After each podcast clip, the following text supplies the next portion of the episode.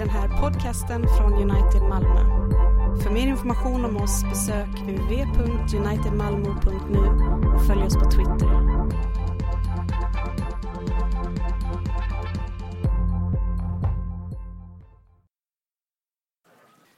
Vi lyssnar till eh, denna söndags gammaltestamentliga text ifrån Jesaja 25, verserna 6 till 9. Herren Sebaot skall på detta berg hålla gästabud för alla folk, bäva för Jakobs Gud, han som gör klippan till sjö och flintan till källsprång, ett gästabud med feta rätter och starkt vin, med feta mustiga rätter och starkt klarat vin. På detta berg skall han utplåna den slöja som höl, höljer alla folk, det dok som skyler alla folkslag. Han skall utplåna döden för alltid. Herren Gud skall torka tårarna från alla kinder och göra slut på sitt folks förnedring överallt på jorden. Herren har talat.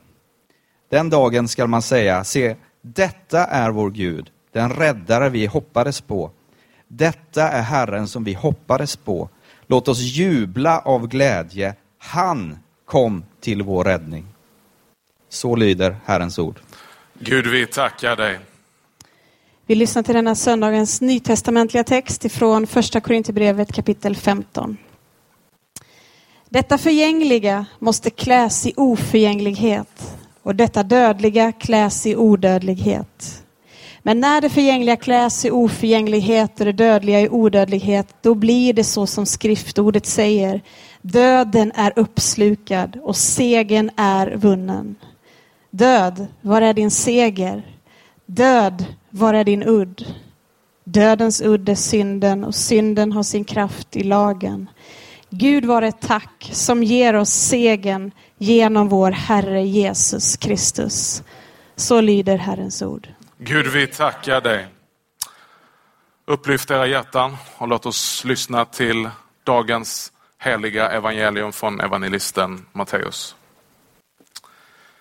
Efter sabbaten i gryningen den första veckodagen kom Maria från Magdala och den andra Maria för att se på graven. Då blev det ett kraftigt jordskalv, ty Herrens ängel steg ner från himlen och kom och rullade undan stenen och satte sig på den. Hans utseende var som blixten och hans kläder var vita som snö. Vakterna skakade av skräck för honom och blev liggande som döda. Men ängeln sa till kvinnorna, var inte rädda. Jag vet att ni söker efter Jesus som blev korsfäst. Han är inte här. Han har uppstått så som han sa. Kom och se var han låg. Skynda er sedan till hans lärjungar och säg till dem han har uppstått från de döda och nu går han före er till Galileen där ni ska få se honom. Nu har jag sagt er detta. De lämnade genast graven, fyllda av bävan och glädje sprang de för att berätta det för hans lärjungar. Då kom Jesus emot dem och hälsade dem och de gick fram och grep om hans fötter och hyllade honom. Men Jesus sa till dem, var inte rädda. Gå och säg åt mina bröder att bege sig till Galileen. Där ska de få se mig. Medan de var på väg kom några ur vaktstyrkan in till staden och berättade för översteprästerna om allt som hade hänt. Dessa överlade med de äldste och sedan gav de soldaterna en stor summa pengar och sa till dem, säg att hans lärjungar kom under natten och rövade bort honom medan ni sov. Om ståthållaren får höra detta ska vi tala med honom så att ni inte behöver oroa er. Soldaterna tog pengarna och gjorde som de hade blivit tillsagda. Så vann detta rykte spridning bland judarna ända till denna dag. De elva lärjungarna begav sig till Galileen, till det berg dit Jesus hade befallt dem att gå. När de fick se honom föll de ner och hyllade honom, men några tvivlade. Då gick Jesus fram till dem och talade till dem. Åt mig har getts all makt i himmel och på jord. Gå därför ut och gör alla folk till lärjungar. Döp dem i Faderns och Sonens och den helige Andes namn och lär dem att hålla alla de bud jag har gett er.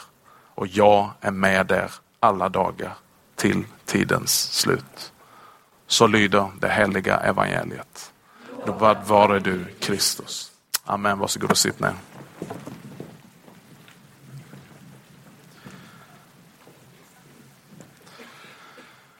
Under en vecka så har vi färdats genom en mängd platser och händelser. En intensiv vecka, den stilla veckan, den heliga veckan. Vi har varit i Getsemane i torsdags kväll. Vi var på Golgata i fredags och nu står vi vid graven. Och eh, inte bara graven i allmänhet utan den tumma graven. Det är inte så att kristna är orealistiska optimister som bara hoppas på det bästa in i det längsta. Utan faktum är att vi grundar vår tro inte bara på en upplevelse, på en känsla, på en religiös erfarenhet. Utan vårt hopp är förankrat i en historiskt och väldokumenterad händelse. Händelser som skedde på speciella platser, likt Getsemane, Golgata och vid graven på konkreta tider. När vi talar om kristendom så talar vi alltså inte bara om en filosofi i allmänhet, utan någonting som är förankrat i historien i synnerhet. Och av detta så kommer kristendomens två kortaste bekännelser. Den ena är Jesus är Herre och den andra är Jesus lever. Kan låta lite naivt, kan låta lite så här klämkäckt. Jesus lever. Men om du tänker på vad den bekännelsen innehåller så är den enorm. Jesus lever. Både bekännelsen Jesus är Herre och bekännelsen Jesus lever bygger på det faktum att vi tror att Jesus har uppstått från de döda. För Det skulle vara en ren lögn att säga att Jesus lever om han inte hade uppstått. Det bygger liksom lite grann på varandra. Men har han uppstått så betyder det ju också att han är Herre. Herre över döden, herre över skapelsen, herre över alla normala naturlagar. Då är det sant det som han säger till sina lärjungar, det sista han säger. Mig är given all makt i himmel och på jord. Och det är klart, det är inte så svårt att tro på när det står en som har kommit tillbaka från de döda.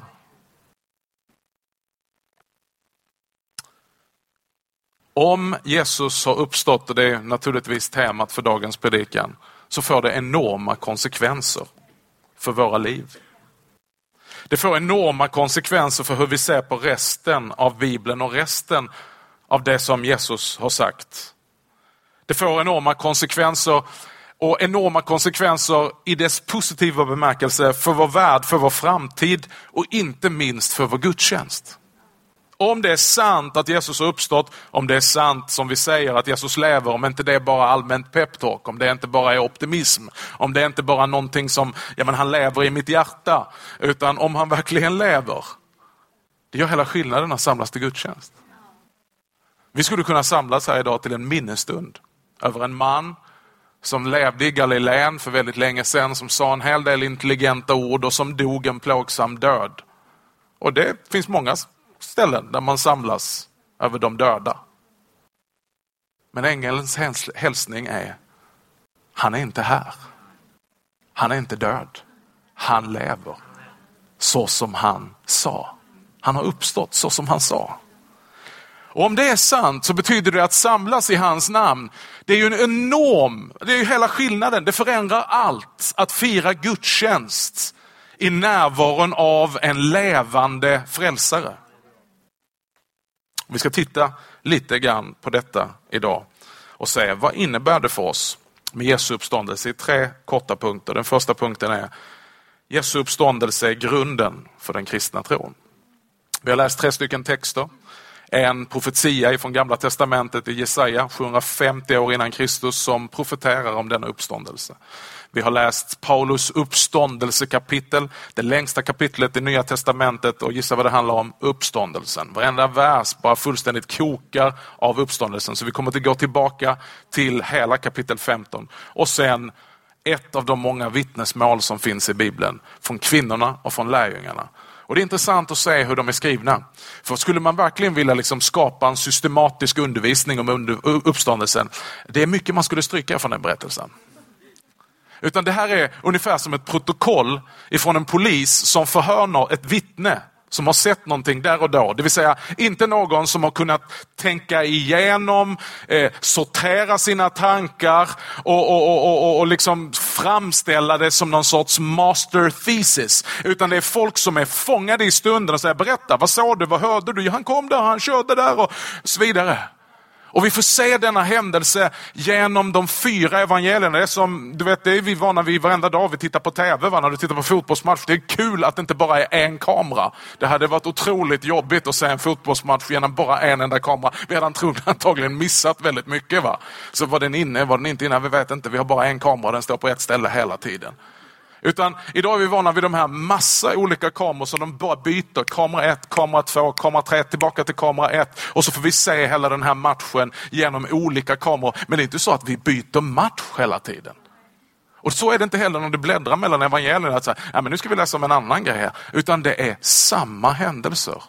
Sett genom olika kameravinklar eller ögon. Jesus uppståndelse är grunden för den kristna tron. Vi går tillbaka till uppståndelsekapitlet i första Korinthierbrevet, några verser som vi inte läste. Paulus han säger så här. Jag meddelade er det allra viktigaste, vad jag själv har tagit emot, att Kristus dog för våra synder, enligt skrifterna. Att han blev begravd och att han uppstod på tredje dagen, enligt skrifterna. Det här min vän, det är en kristen förkunnelse. Det här är det allra viktigaste. Att Kristus dog, att Kristus blev begraven. Men det slutar inte där. Det slutar inte med talet om korset utan att han också uppstod på tredje dagen enligt skrifterna. Min vän, om du inte får höra det så har du inte hört en kristen förkunnelse. Det kvittar hur mycket folk det är eller hur lite folk det är. Det kvittar hur stark lovsången är eller hur liksom, tråkig sången är. Om du inte får höra en förkunnelse som handlar om att Kristus kom och blev människa, Gud blivit människa för vår skull, levde för att uppfylla lagen i vårt ställe, dog på korset för att ta vårt straff på sig, var lagd i graven och under döden, men besegrade döden genom sin uppståndelse på tredje dagen, så har du inte hört en kristen förkunnelse. Detta är evangelium. Detta är vårt hela hopp. Du har säkert ofta om, och, och, och, och, liksom stött på, jag ska bara rensa lite här. Det är lite uppståndelsefeeling här va. Jag är på att halka där borta, det är livsfarligt. Så här. Du har säkert tänkt väldigt mycket på att Jesus dog för mig. Och det, vi håller inte på att sätta de här sakerna emot varandra. Men det är väldigt viktigt att du får med dig kraften i att Jesus uppstod. För att om Jesus bara dog och aldrig uppstod så kommer vi leva kvar i vår ovisshet. Hur har det då gått med mina synder? Ja, jag vet att Jesus dog för mina synder, men vad hände sen?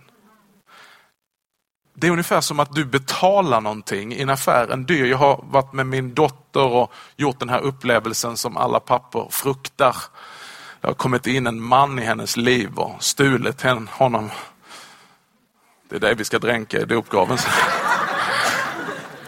Och jag fick vara med om den här smått surrealistiska upplevelsen att eh, vara med och köpa en brudklänning. Nej, jag ska inte berätta hur den ser ut, Caroline. Du, du ser helt, man blir helt blek här nu. Men det var något av det mest vackra jag någonsin har fått vara med om. Och också ett av de mer dyrare eh, grejerna jag varit med om. Och då är det ju inte bara som så här att jag nöjer mig med att, att den här fantastiska klänningen som ska användas en gång och som vi har lagt en månadslön... Nej, jag bara skojar. Som vi har liksom betalt så här. Va? Så, tack, priset är betalt. Nu går vi ut. Va? Utan jag är ju enormt viktig på att få någonting tillbaka. Vadå? Kvittot.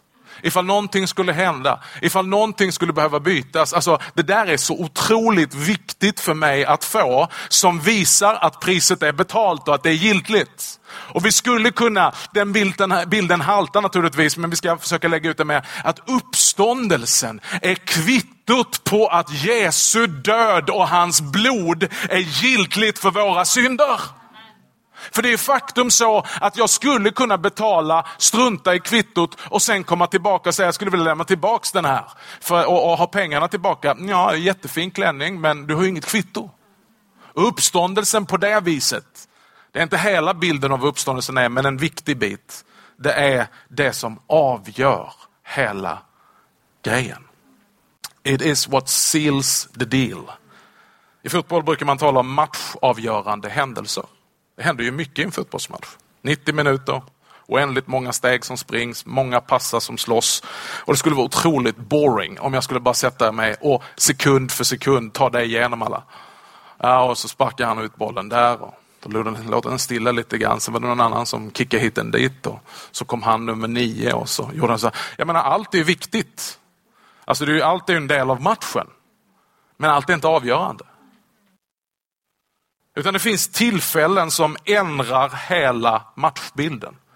Bara liksom moment som man talar om. Så att när man kommer till att tala om Sveriges match mot Danmark, när vi tog oss till VM i sommar, så kommer vi inte till att tala om liksom ett inkast, eller en hörna, eller en passning, eller ett byte. Utan vi kommer uteslutande till att tala om Zlatans frispark rakt upp i krysset, som skickade Danmark dit de hör hemma, och Sverige rakt in i VM.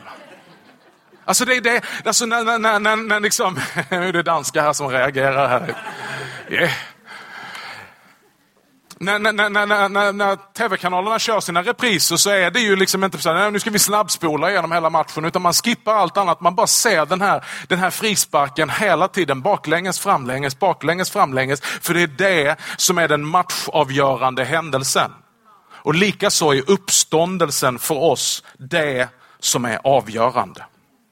Paulus han säger i det här femtonde kapitlet verserna ner, jag ska bara, bara ta ut det, att utan uppståndelsen, om Kristus inte har uppstått, så är vår predikan kraftlös. Den är verkningslös. Vi kan lägga ner. Utan uppståndelsen så är vår tro meningslös. Utan uppståndelsen så är vårt vittnesbörd falskt. Alltså vi är lögnare. Det är allvarliga saker. Tänk så mycket människor vi har ljugit för. Tänk så mycket människor vi har vittnat falskt inför. Det är, det är allvarligt att vittna falskt inför en domare i Sverige i rättsväsendet. Det är straffbart. Vad tror du det är att göra det inför Gud? I hans namn bära falskt vittnesbörd. Han säger att då har vi hållit på att ljuga. Om uppståndelsen inte har skett, ja då är vi fortfarande kvar i våra synder, säger han. Det vill säga att då finns det ingen förlåtelse för våra synder. Och har inte Jesus uppstått från de döda, ja, då finns det inte heller något hopp för oss inför döden. Och så avslutar han och säger, har Jesus inte uppstått från de döda så är vi troende av alla människor de mest beklagansvärda. Och vad menar han med det? Jo, han talar ju rakt in, cirkus år 50, 55, till en församling fullt av troende som har satt livet till för att sätta sin tro på detta. Som har mist sina familjer, som har blivit förföljda, som har kanske förlorat sitt arbete för att man tror på den uppståndne. Och då säger han så då är det beklagansvärt. Han tar sig själv som ett exempel och säger, jag utsätter mig själv för fara att predika om denna uppståndne Jesus. Men har han inte uppstått, alltså, då har vi verkligen slösat bort vårt liv. Det är beklagansvärt. Men så slutar han, men nu har Jesus uppstått från de döda. Därför ser du att detta är grunden. Om du tittar på varje predikan som hålls genom hela apostlärningarna så är det inte en predikan om Jesu liv och hans gärningar. Jag tror att det finns vid ett tillfälle då Petrus talar om Jesus i allmänna ordalag om hur han gick omkring, gjorde väl och botade alla som var under djävulens våld. Annars är varenda predikan det talar om Jesus Kristus från, från Nasaret. Han som ni lät döda genom korsfästelse. Han har nu Gud uppväckt från de döda. Den lilla satsen, jo för det förändrar ju allt och vi ska titta på det. Det räcker att säga det Jesus och uppstått från de döda. Wow! Det ställer allt annat i blixtbelysning. Du kan, du kan liksom kavla ut texten efter det, men om Jesus lever, då förändras allt. Och så är det också för dig min vän. Vad du än kallar det, vilken filosofi du än prenumererar på, vilken tro eller vilka tvivel du än brottas med. Om Jesus lever, ett objektivt fakta som inte har bäring på vad du tror eller om du behöver liksom hjälpa honom att leva, utan han lever för egen maskin. Wow!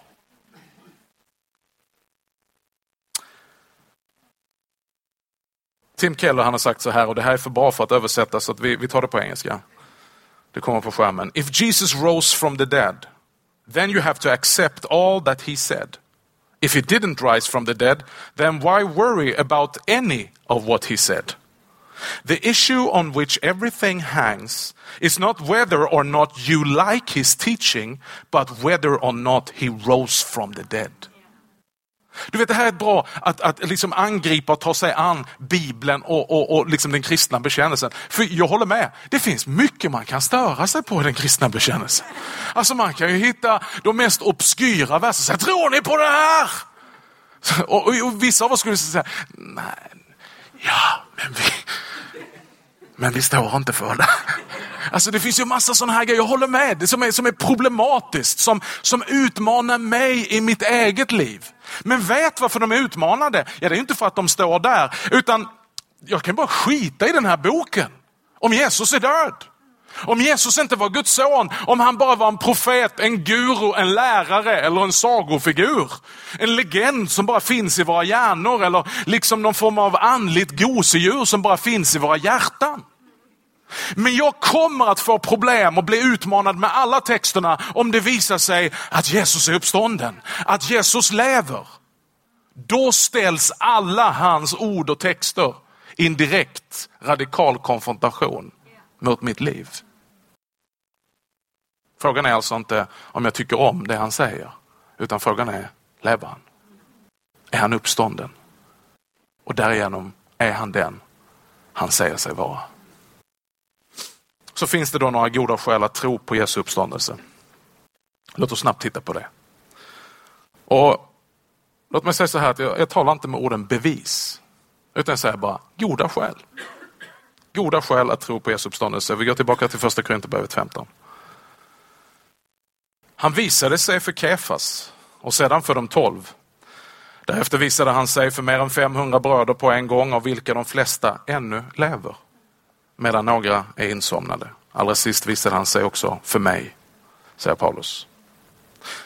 Du som är tillräckligt gammal, du kommer ihåg antagligen exakt var du var när du fick reda eller höra eller se 9-11 2001. Jag kommer ihåg det. Jag satt i en bil från Sölvesborg, sprang upp till vår lägenhet på Betaniaplan och sen satt jag som naglad och trodde knappt att jag kunde tro mina ögon. De här tv-bilderna som kom när Twin Towers gick ner. För dig som är kanske lite äldre så kommer vi ihåg var vi var eller när vi såg på tv när Estonia sjönk. För dig som är Malmöbo så kanske du kommer ihåg när Öresundsbron eller Turning Torso invigdes och en tid innan det fanns en bro, innan det fanns Turning Torso. Tillbaka i Östtyskland alltså. Flera av er kommer ihåg när Carola i sin eh, ja, kycklinggula, påskgula sparkdress vann Melodifestivalen 1983 här i Malmö på Palladium. Vi skulle kunna hitta sådana här historiska, historiska ja det är det, det är historia. Nej, men händelser som vi bara, vi kommer ihåg det. Vi var där. Även om du inte var där live så, så fick du se det vid en TV. Alla de här händelserna ligger ju mellan 15 och 30 år tillbaka i tiden. Men det, vi har klart minnesbild av dem.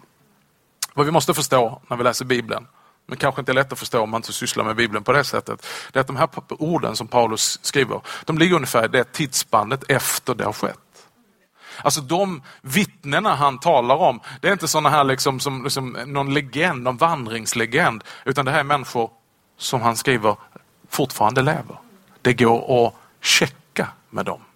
Det här är en sån stor händelse att man kan säga, jag var där. Jag såg det.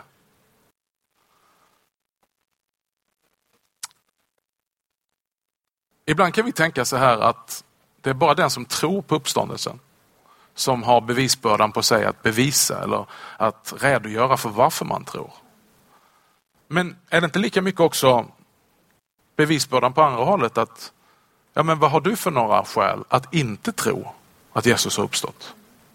Hur ska du bortförklara de miljarder som tror på detta? Är de korkade? Är de intelligensbefriade? Är de lurade? Är de höga jämt? Är, kyrkans, drivkraften bakom kyrkan, alltså även om det kan finnas förklaringsmodeller, men det liksom duger inte med att säga så här, nej men sånt händer inte. Nej, det är ju det som är poängen. Så att, så att det är liksom, nej, men jag tror inte på uppståndelse, varför det? Nej men människor uppstår inte. Nej exakt. Det är därför det hela blir fantastiskt. För hade människor hållit på att uppstå så är det liksom inte, det är dålig så här selling point, unik spjutspets i liksom vår kommunikation. Va? Så Jesus har uppstått, ja, och, och, och fyra miljoner andra. Utan det är ju precis därför som detta är bara någonting avgörande. Vad är de goda skälen? Ja, Gamla testamentets profetior och Jesu egna ord. Vi vet att det här snacket om uppståndelsen, det är ingen efterkonstruktion. När du och jag ska berätta en händelse som har hänt för 15 år sedan, då, då snyggar vi alltid till den för att nu har vi facit. Så då sticker vi in massa och så liksom, ja, men jag gjorde ju det för jag visste ju att sen skulle det hända och så vidare. Men det här är inte efterkonstruerade berättelser. Det här är ju profetior och dokumentation som har kommit innan. Jesu egna ord, jag kommer att dö. Det ville man inte tro på. Och sen säger jag kommer att uppstå. Det kunde man inte tro. Sen säger vi skippar bara de grejerna. In till sista stund försöker ju lärjungarna skippa det. Så, ja, men den där dödgrejen, liksom, gör inte det. Det är dåligt att dö. Och, och dessutom, det där du säger med uppståndelse, ja, men sånt sker ju inte. Den tomma graven. Ja, faktum är att den tomma graven är ett skäl att tro. De flesta andra landsmän, kejsare, stora personer, personligheter, de vet vi var de är begravda. Vi kan gå och fira deras minne. Vi kan slänga blommor på deras grav. Det är otroliga folkmassor. Varför det? Därför att det finns någonstans att gå. Och så säger du, jo men visst finns det trädgårdsgraven och eh, Kristi gravkyrka i Israel. Ja, men det är ju sådana platser där man anar att han var, men man kan ju inte veta eftersom han inte är där. Det har man gjort en snygg poäng av i trädgårdskyrkan för dig som har varit i Israel. När man kommer dit så står det en stor inskription, han är inte här. Någon sa det på ett, fantastiskt sätt. Det är bara Jerusalem vid Jesu förmodade grav som folk betalar pengar och står i kö i mellanösterhetta för att se ingenting. Jesu tomma grav är faktiskt ett bevis på att vi inte kan säga var det där han begravdes? Eller var det där? Ja, vi vet inte. Av det enkla skälet, han är inte där. Ja, men han kan ju vara någon annanstans. De kan ju ha stulit honom, ja. Men låt oss titta på ögonvittnena. Först har vi kvinnorna som vi läste om idag, Matteus evangeliet. Och du som är kvinna, du borde vara så otroligt stolt och glad över att bekänna dig till evangeliet. För på den här tiden så är det, det är som att bara förlora caset direkt. Lyssna nu färdigt innan du dödar mig här vad jag säger. Va? Ehm, för att börja ett vittnesmål med att börja, det var två kvinnor. Det är liksom som bara, det är bara förlora innan du har börjat. Tyvärr.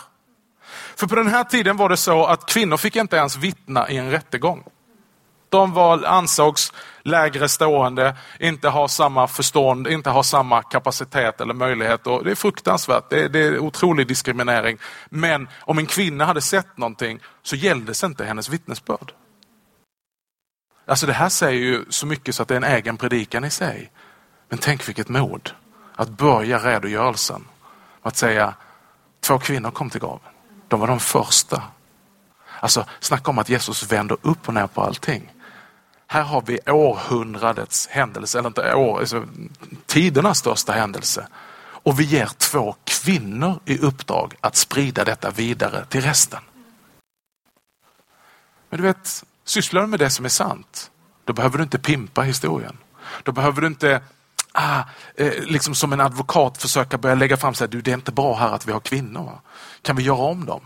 Kan vi skippa dem och gå direkt på Petrus? Ja, men han sprang ju dit sen. Ja, varför gjorde han det? Därför att det var två kvinnor. Ja, men skit i kvinnorna, berätta inte om dem. För det är ingen som tror på kvinnor ändå. Ja, det här säger ju någonting om Jesu människosyn. Och det här säger någonting om den kristna världsbilden som är långt innan alla, ursäkta, feminister. Det här är det bästa dokument du kan ha för en kvinna, det nya testamentet där Jesus bara kommer och så lyfter han upp kvinnan på precis samma plats som mannen och ger henne uppdraget att vittna om hans egen uppståndelse. Alltså det där gör man inte och man skriver inte sen ner det heller. Så jag, jag, tack så mycket. Petrus, skriv du nu om det. Utan Matteus skriver ner det. Lukas skriver ner det. Markus skriver ner det. Och där Markus han twistar till det lite och säger så här, du spring efter den här liksom, eh, eh, killen, han förnekaren Petrus, ge han en liten extra knuff i ryggen. Ni kvinnor, kan ni göra det? Wow! Du ser att det är vittnesskildringar eftersom det står att de tog på honom. Det är klart att när du ser en död människa komma tillbaka så du vill ju känna, du säger, är det här på riktigt? Stämmer detta? Lärjungarna då? Ja, vi måste ju ta deras vittnesmål på allvar eftersom det var inte bara så här att de hade en förnimmelse av Jesus. Då kan man ju släppa det. Och säga, ja men vi hade en upplevelse, vi hade så härligt möte, vi sjöng och det fladdrade till i luften och jag såg ett ljussken. Så bara, ja, ja, men alltså man kan röka svamp och se ljussken. Nej, men det är ju sant. Jag menar, jag har sett massa ljussken som inte var någonting annat än Sett stjärnor har jag också gjort. Liksom. Kan få en smäll och se stjärnor. Ja, men allt möjligt. Förstå, alltså, vi måste förstå, lärjungarna levde och vandrade med Jesus under 40 dagar efter hans uppståndelse. Det var inte ett, ett, ett enskilt tillfälle där han bara sa, här är jag. Utan de lever med honom, de ser han äta fisk och bröd. Han talar med dem, han uppmuntrar dem och de lyssnar till hans undervisning och du ser ju resultatet efteråt. Sen så säger Paulus, och ytterligare 500 pers. Ah, okej okay då, vi säger att de här 12, de hade rökat samma grej så de hade samma hallucinationer. Men det är svårt med 500 alltså. Vilka av de flesta fortfarande lever? Då är det någon som invänder då och säger så ja, ja men du vet, det var ju på den tiden. Det var ju lätt för lärjungarna att säga att han hade uppstått, för det trodde ju alla på på den tiden. Alla trodde ju liksom på uppståndelsen. Du vet, vetenskapen hade inte gjort så mycket erövringar och de flesta trodde på uppståndelsen. Så det, det, det, det låter lite grann, den bortförklaringen låter precis som att man kunde bara dra fram det. Så, Nej men han har uppstått. Jaha. Vad ska du göra imorgon? alltså, det är precis som att det var det mest vanligt förekommande. Men det visar bara att vi är lite dåligt insatta. Du vet, ingen religion på den tiden tänkte och hoppades på en fysisk kroppslig uppståndelse. Vi lever i en tid där man tänker om kroppen att det är något svagt, ont, jordiskt, begränsande. Eh, så att man tänkte liksom inte ens att det var önskvärt. Utan man vill ju gå vidare till någon sorts liksom högre grej. Va? Eh, eh, inte att få tillbaka sin gamla kropp, liksom, grattis, här får du tillbaka din kropp. Åh nej! Jag vill ju komma undan det här Liksom. Jag vill ju nå en högre nivå. Så vi måste förstå det. Det är världsbilden som är rådande. Det är inte så att var och en gång tänker att ja, ja, men det är självklart. Och så går vi in då bland judarna. Inte ens bland judarna finns det en harmoni i synen på detta. Utan det är olika partier och grupper. Men grovt kan vi säga att det finns två grupper. Ja, det finns en grupp som inte tror på någon uppståndelse. Och sen finns det de som väntar den stora uppståndelsen. Men det handlar inte om nu mitt i tiden att en enskild individ uppstår från de döda. Utan det handlar ju om i tidens slut, när Gudsriket ska komma. Det de väntade på. Och då ska alla uppstå från de döda. Men att enskilda personer innan Gudsriket har kommit i all sin härlighet helt plötsligt står upp från de döda. Unthinkable. Det är ju därför lärjungarna blir förföljda. För denna förkunnelse. Nej, uppståndelsen det innebär en radikal invändning mot det som är gängse judisk tro på den här tiden. Och därför så undersöktes och kritiserades och förföljdes detta som de sa. Kanske det största beviset eller det goda skälet är att titta på lärjungarnas förvandling. På torsdagen och fredagen så är det ett gäng fegiska som springer för sina liv. Petrus han fegar ut inför en liten tjej. Hon står och säger, ja, jag känner igen din skånska, din dialekt. Har inte du varit med han? Nej, känner inte honom. Jo, men visst är du en av dem. Nej, jag svär på. Alltså de är livrädda. De flyr. De går och fiskar. De har gått ifrån uppgivna, förnekande, rädda till modiga, överlåtna som alla utom en offrar sitt liv in i döden för att vittna om denna uppstående frälsare. Vi måste förstå att det inte är lärjungarnas tro som har skapat Jesu uppståndelse, utan det är just Jesu verkliga uppståndelse som har skapat lärjungarnas tro.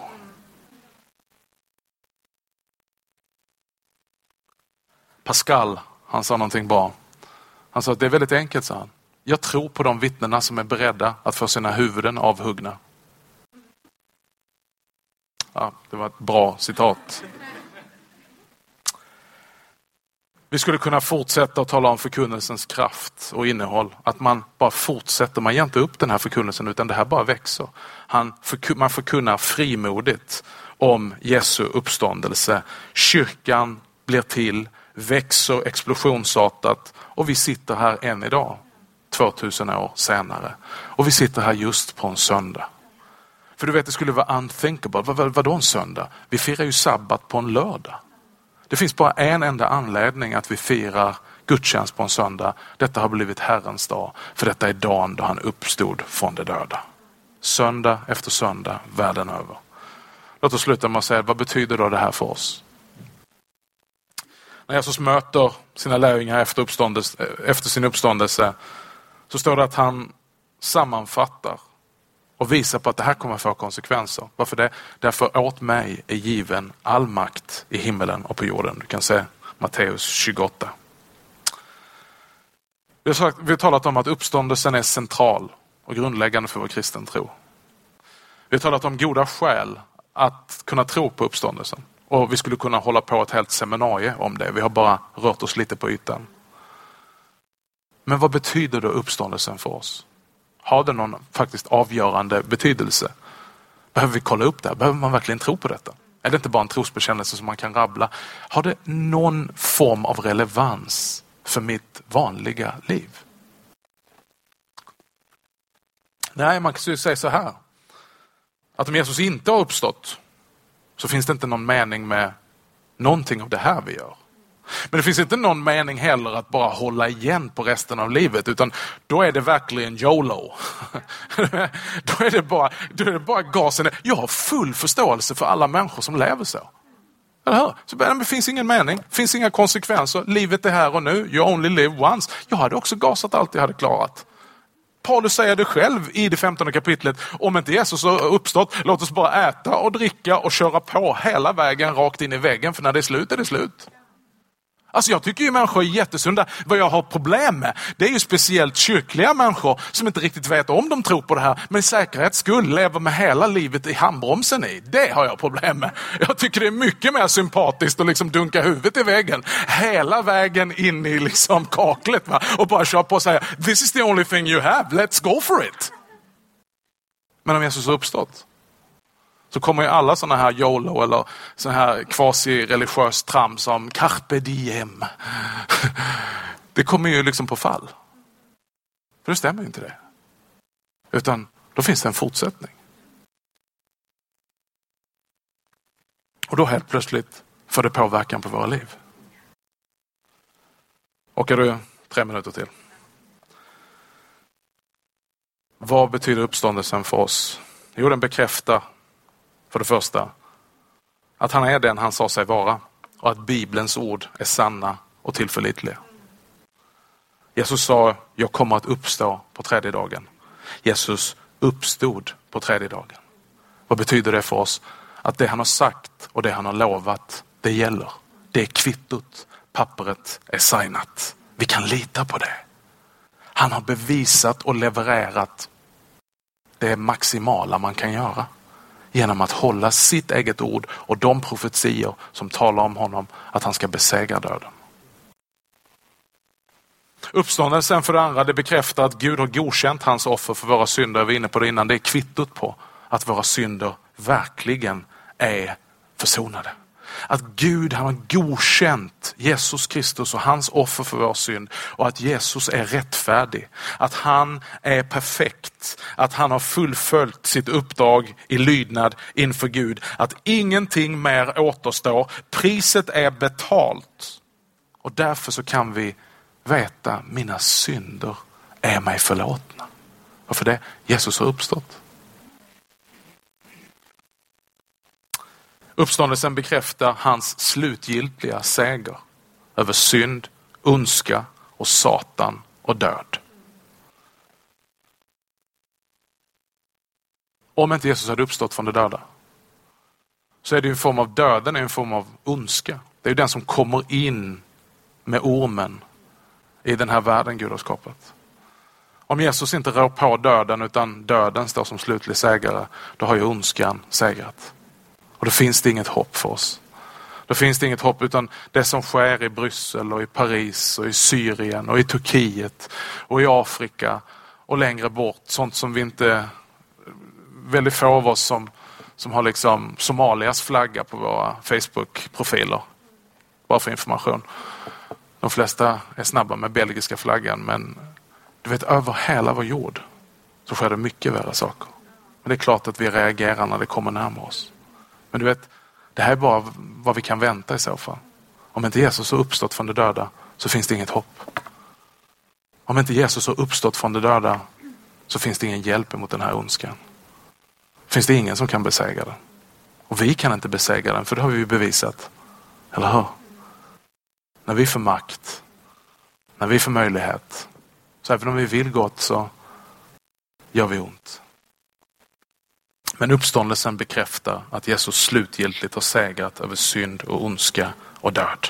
Och det betyder för mig att jag blir befriad från fruktan för döden. Och det ger mig ett hopp bortom graven. Jag förstår att om Jesus uppstod från de döda och jag är Jesus och Jesus är mig så är inte döden slutet utan bara slussen in till ett nytt liv om Jesus, han blev uppväckt. Han blev inte ett andeväsen. Han blev inte en ängel. Han, eh, liksom, han blir uppstånden som en människa fysiskt till ett liv. Så vet vi det att denna nya skapelsen har börjat i och med Kristus. Att det kommer inte ta slut. Det är inte så att en dag så kommer vi bara till att liksom sugas upp i någonting och så kommer jorden att gå under. För då hade ondskan segrat. Tvärtom är det Jesus kommer komma tillbaka och upprätta skapelsen så som den är tänkt att vara. Det finns hopp för vår framtid. Det ger oss tröst när det är som mörkast. Det ger oss också motivation att ta hand om den här jorden. Att inte bara skita i den, för det är klart, tänker man bara så här, det här ska bara explodera, det här ska bara gå under och sen kommer Jesu räddningsgrej ner och så bara suger upp oss i någon sån här rapture på något sätt. Va? Och så blir det left behind för alla andra. Men sanningen är den, om du blir left behind är du på rätt sida. För Jesu lösning är inte att han ska ta bort oss. Jesu lösning är att vi ska bygga Guds rike här. Och som kronan på verket kommer han tillbaka och sätter sina fötter. Och detta kan vi få lov att tro på. Eftersom han sa att han skulle uppstå, uppstå och han gjorde det. Och på samma sätt som han uppstod på tredje dagen, på samma sätt kan vi vänta att han kommer tillbaka. För han är segerherren, han har besegrat döden, han har besegrat synden och han har besegrat all ondska. Detta är vårt hopp. Jesus lever. Och därför så finns det mening med att gå på gudstjänst. För då går vi inte bara hit för att träffa varandra. Det är ju inte fy skam det. Men vet du vad? Jesus är närvarande. Jesus lever. Ära vare Fadern och Sonen och den helige Ande. Nu och alltid och i evigheters evighet. Amen.